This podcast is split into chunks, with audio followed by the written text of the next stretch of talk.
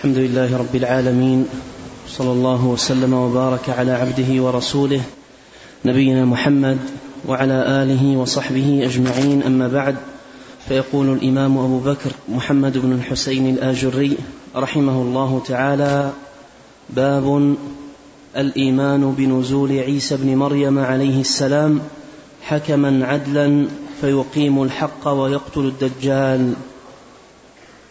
قال حدثنا الفريابي قال حدثنا قتيبة بن سعيد قال حدثنا الليث بن سعد عن سعيد بن أبي سعيد عن عطاء بن ميناء عن أبي هريرة رضي الله عنه قال قال رسول الله صلى الله عليه وسلم لينزلن ابن مريم لينزلن ابن مريم حكما عدلا فلا يكسرن الصليب ولا يقتلن الجزية ولا تتركن القلاص فلا يسعى عليها.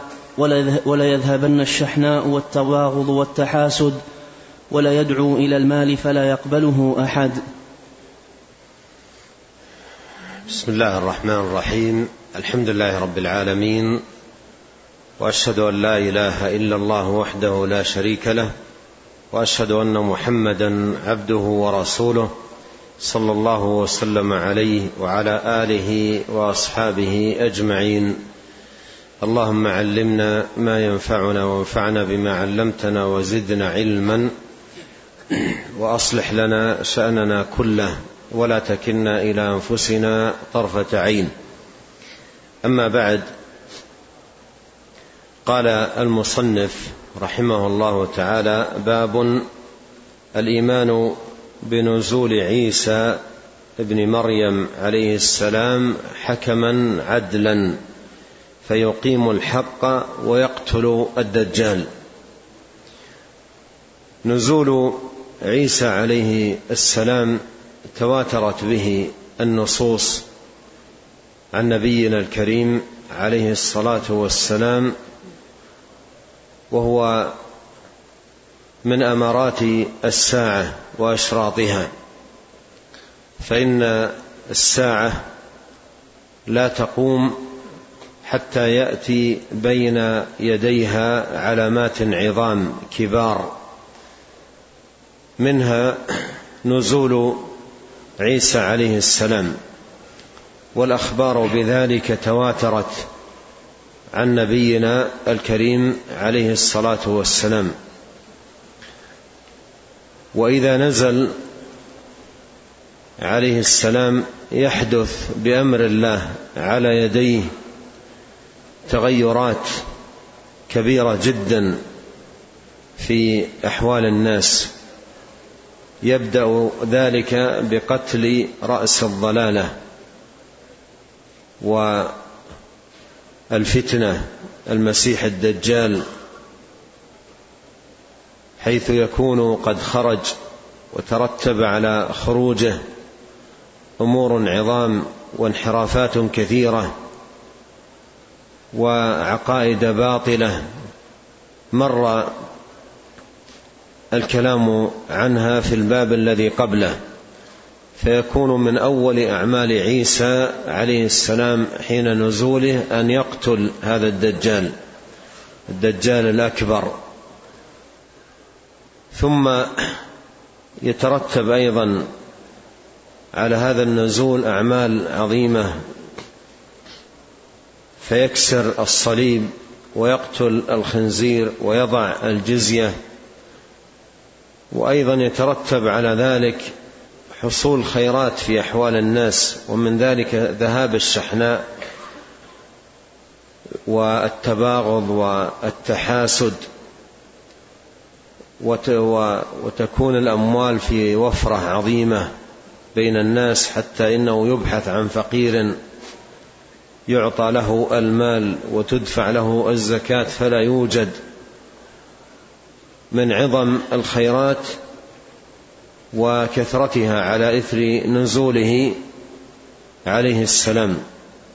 ونزوله كما تقدم آية من آيات الساعة وعلامة من علاماتها. قال الإيمان بنزول عيسى ابن مريم عليه السلام حكما عدلا. قوله نزوله أي من السماء لأن عيسى لم يقتل بل شبه على اليهود فقتلوا شخصا ظنوا أنهم قتلوا عيسى. وأما عيسى فقد رفعه الله إليه كما قال الله سبحانه وتعالى بل رفعه الله إليه أي في السماء فهو عليه السلام رفع من ذلك الحين في السماء وهو باق فيها إلى حين نزوله فينزل من أن ينزل أي من السماء.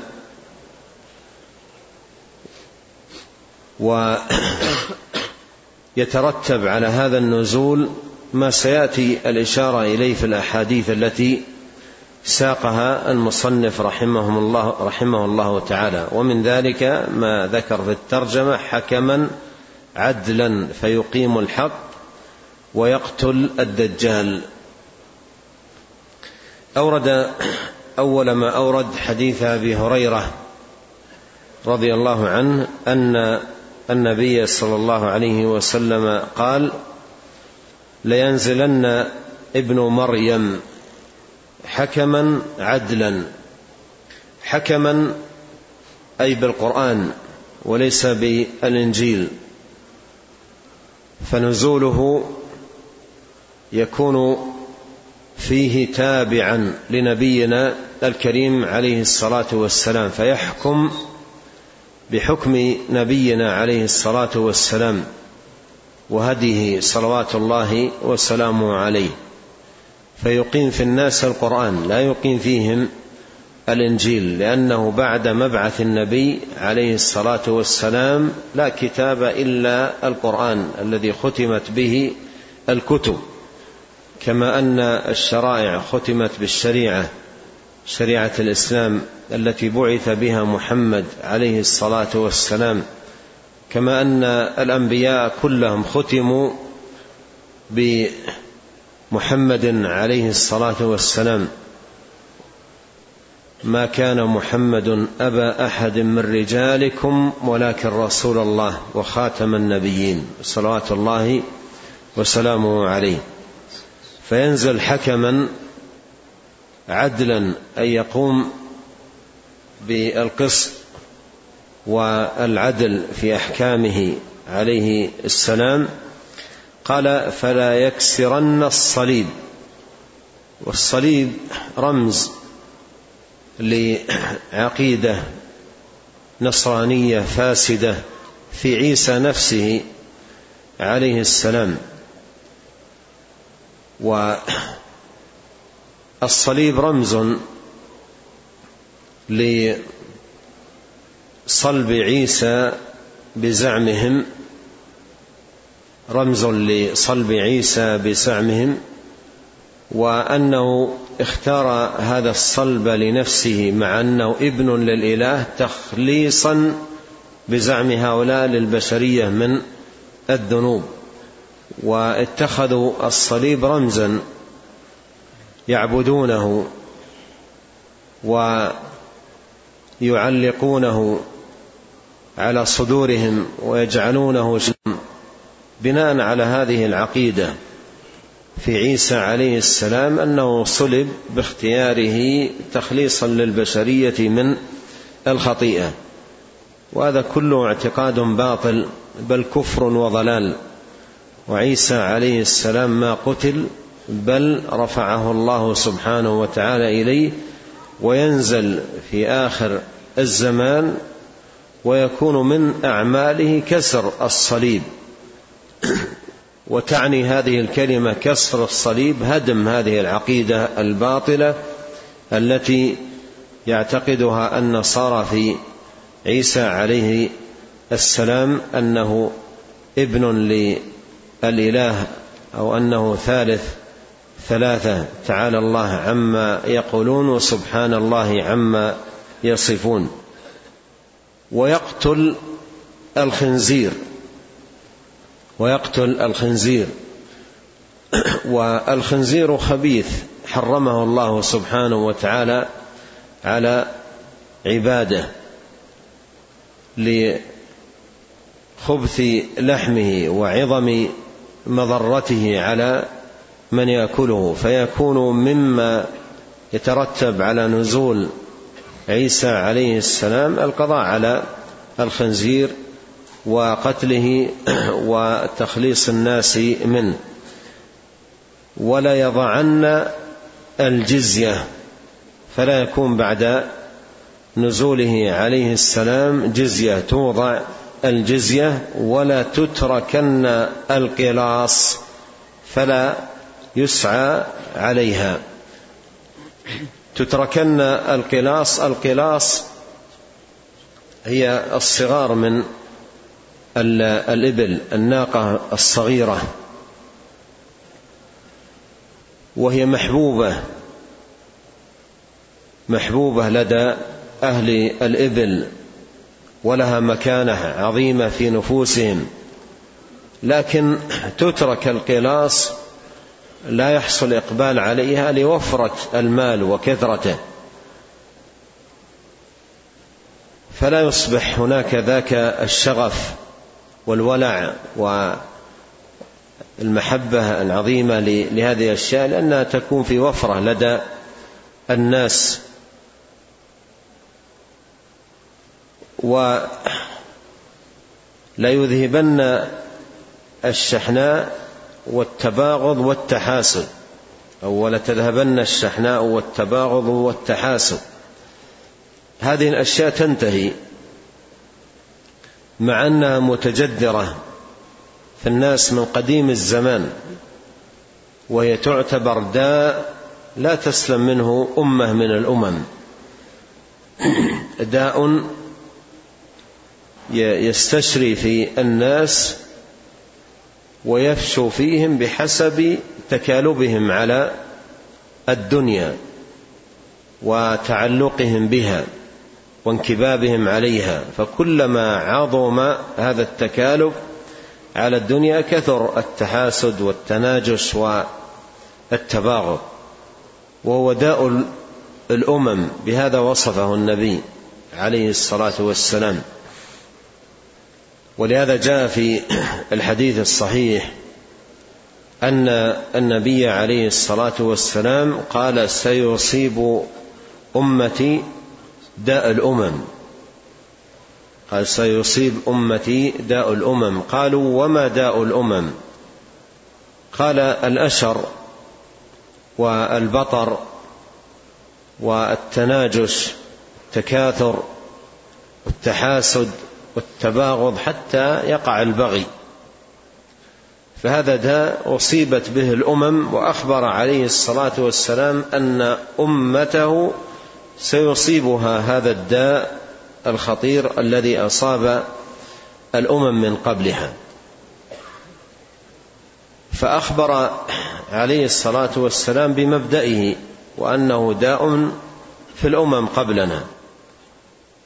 ما من أمة من الأمم إلا وأصيبت بهذا الداء ولا يسلم منه إلا من عافاه الله ووقاه بأن من عليه بنزاهة الإيمان لأن الإيمان نزه ومن نزاهة الإيمان التنزه عن هذه الأمور التحاسد والتباغض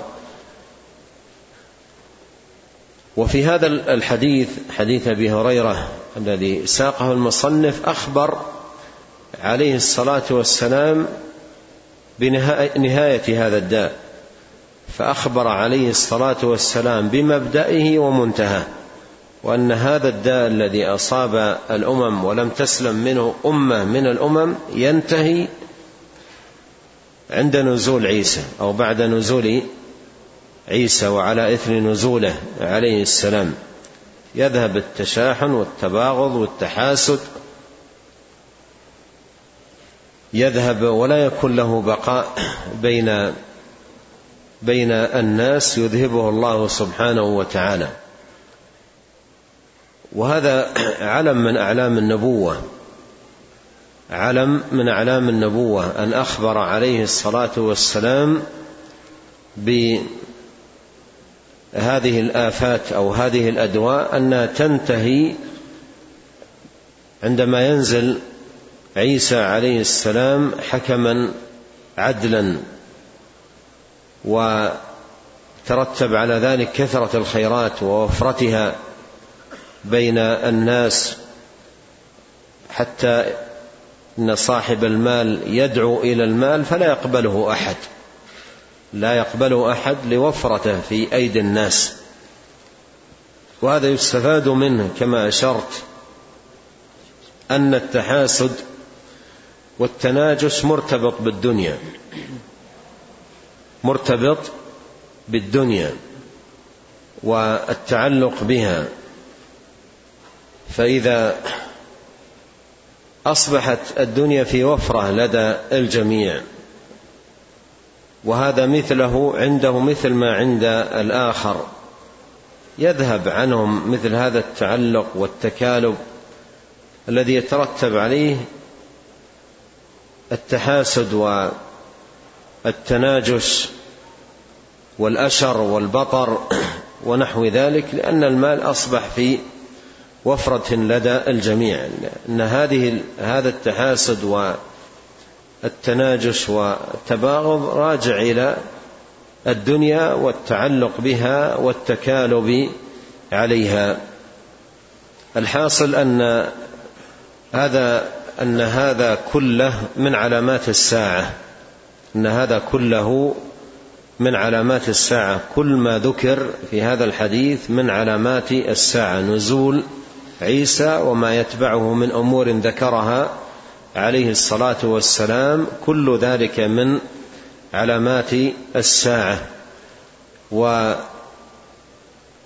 والإيمان بهذه العلامات واجب وهو من الإيمان بالغيب. إيمان بكل ما أخبر به رسول الله صلى الله عليه وسلم من ما يتعلق بالساعة نفسها وأهوالها وما يتعلق بها وأيضا ما يسبقها من علامات وأشراط. ما يسبقها ويأتي بين يديها من علامات وأشراط. فهل ينظرون إلا الساعة أن تأتيهم بغتة؟ فقد جاء أشراطها. نعم.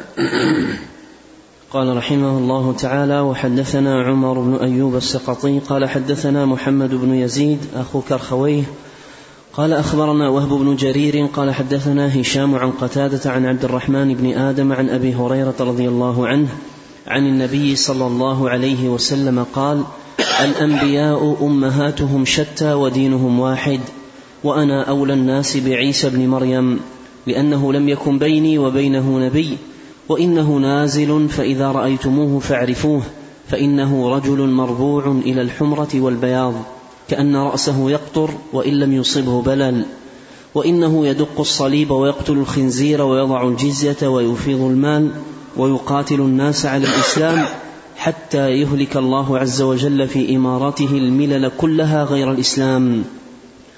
وحتى يهلك الله عز وجل في إمارته مسيح الضلالة الأعور الكذاب وتقع, وتقع الأمنة في الأرض حتى يرعى الأسد مع الإبل والنمر مع البقر والذئاب مع الغنم ويلعب الصبيان بالحيات ويلعب الصبيان بالحيات لا يضر بعضهم بعضا يلبث أربعين سنة ثم يتوفى يتوفى صلى الله عليه وسلم ويصلي عليه المسلمون.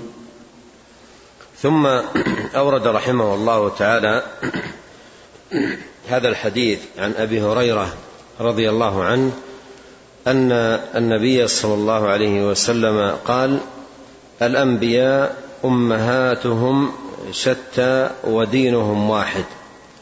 الأنبياء أمهاتهم شتى. المراد بقوله أمهاتهم شتى أي شرائعهم مختلفة. كما قال عز وجل لكل جعلنا منكم شرعة ومنهاجا شرائعهم مختلفة ودينهم واحد أي عقيدتهم وأصولهم واحدة. وهذا فيه أن العقيدة متفق عليها لدى جميع النبيين. ولهذا أخذا من هذا الحديث وغيره من النصوص الواردة في معناه. قال العلماء العقيدة لا يدخلها نسخ مثل الأحكام. العقيدة لا يدخلها نسخ مثل الأحكام.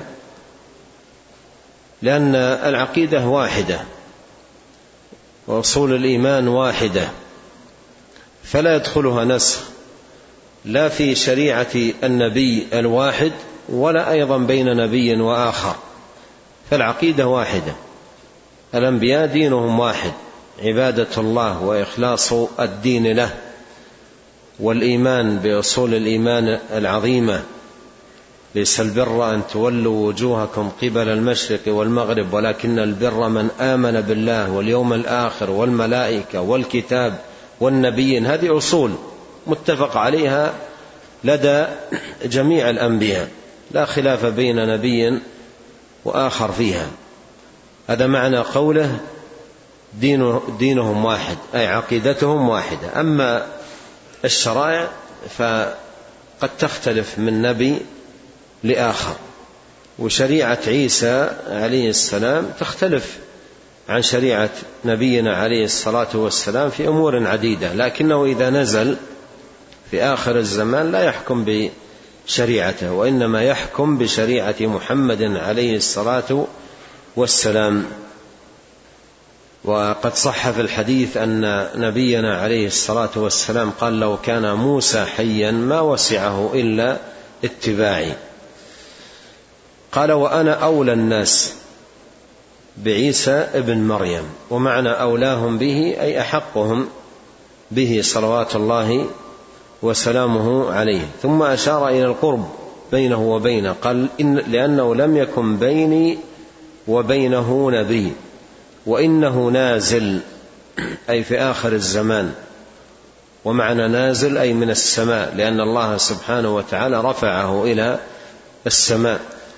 فهو نازل أي في آخر الزمان فإذا رأيتموه فاعرفوه.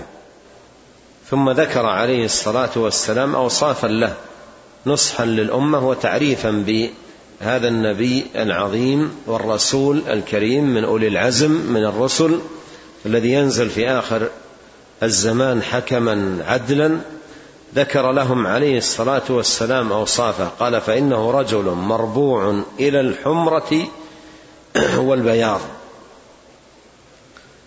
كأن رأسه يقطر وإن لم يصبه بلل. كأن رأسه يقطر وإن لم يصبه بلل كأنه يقطر ماء وإن لم يصب الشعر بلل بالماء. وإنه يدق الصليب أي يكسره ويقتل الخنزير ويضع الجزية ويفيض المال.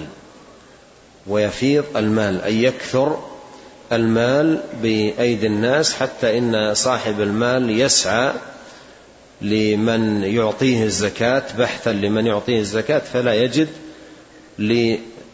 لوفرة المال وكثرته بأيدي الناس. ويقاتل الناس على الإسلام. حتى يهلك الله عز وجل في أمارات أمارات أمارته الملل كلها غير الإسلام. وهذا فيه أنه عليه الصلاة عليه الصلاة والسلام إذا نزل لا يحكم إلا بالإسلام ولا يدعو إلا إلى الإسلام. وحتى يهلك الله عز وجل في إمارته مسيح الضلالة الأعور الدجال. مسيح الضلالة الأعور الكذاب يكون قتله على يد عيسى عليه السلام وقد جاء في بعض الأحاديث ذكر صفة قتل عيسى عليه السلام له. قال وتقع الأمنة في الأرض. أي يحصل أمن عظيم بين الناس يستتب الأمن في الناس. وهذا فيه أن الأمن ثمرة من ثمار العدل والحكم بالقسط بين الناس وإقامة العدل فيهم. فتقع الأمنة في الأرض حتى يرعى الأسد مع الإبل والنمر مع البقر والذئاب مع الغنم وتلعب الصبيان بالحيات. لا يضر بعضهم بعضا أي من شدة الأمن الذي يحققه الله سبحانه وتعالى ويجريه في ذلك الزمان. قال يلبث أربعين سنة أي بعد نزوله عليه السلام ثم يتوفاه الله عز وجل. ثم يتوفاه الله عز وجل ويصلي عليه المسلمون. نعم. قال رحمه الله تعالى حدثنا أبو أحمد هارون بن يوسف بن زياد قال حدثنا ابن أبي عمر قال حدثنا سفيان عن, الزهر عن الزهري عن سعيد بن المسيب عن أبي هريرة رضي الله عنه أن النبي صلى الله عليه وسلم قال يوشك أن ينزل ابن مريم حكما عدلا وإماما مقسطا يكسر الصليب ويقتل الخنزير ويضع الجزية ويفيض المال حتى لا يقبله أحد. نعم. قال محمد بن الحسين رحمه الله تعالى والذين يقاتلون مع عيسى بن مريم عليه السلام أمة محمد صلى الله عليه وسلم والذين يقاتلون عيسى اليهود مع الدجال فيقتل عيسى الدجال ويقتل المسلمون اليهود ثم يموت عيسى عليه السلام ويصلي عليه المسلمون ويدفن مع النبي صلى الله عليه وسلم ومع أبي بكر وعمر رضي الله عنهما. نعم. قال حدثنا أبو جعفر أحمد بن يحيى الحلواني قال حدثنا ابن أبي شيبة قال حدثنا محمد بن بشر العبدي قال حدثنا عبيد الله بن عمر عن نافع عن ابن عمر رضي الله عنهما قال قال رسول الله صلى الله عليه وسلم لتقاتلن اليهود ولتقتلنهم حتى إن الحجر ليقول يا مسلم هذا يهودي فتعال فاقتله. قال حدثنا أبو العباس عبد الله بن الصقر بن الصقر السكري. نعم هذا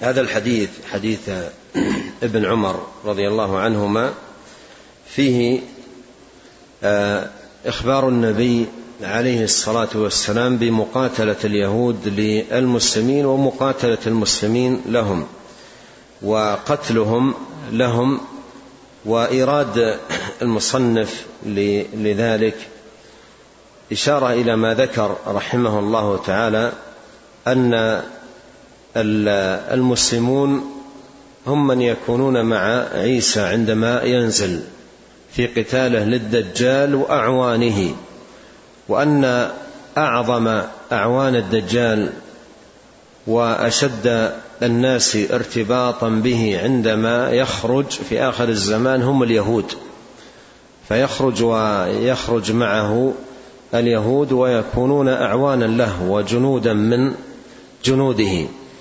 فيقع القتال فيقتل عيسى عليه السلام الدجال ويقتل المسلمون اليهود.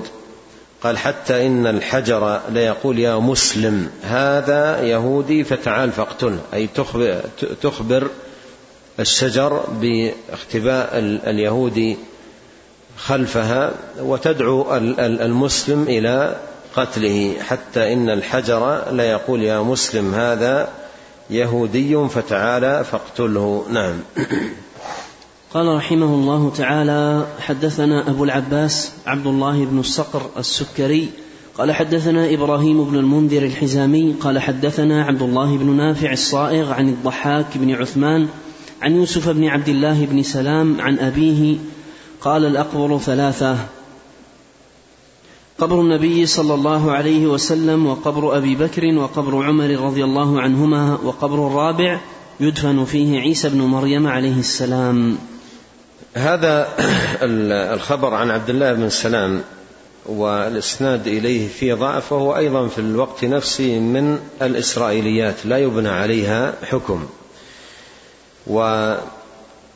وكون هناك قبر رابع إلى جنب النبي صلى الله عليه وسلم وصاحبيه وأن عيسى يدفن فيه هذا لم يثبت فيه. لم يثبت فيه آه، حديث صحيح عن نبينا الكريم عليه الصلاة والسلام. وإنما جاء في بعض الأخبار مثل هذا التي لا يقوم بها حجة. فالحاصل أنه لم يثبت بذلك.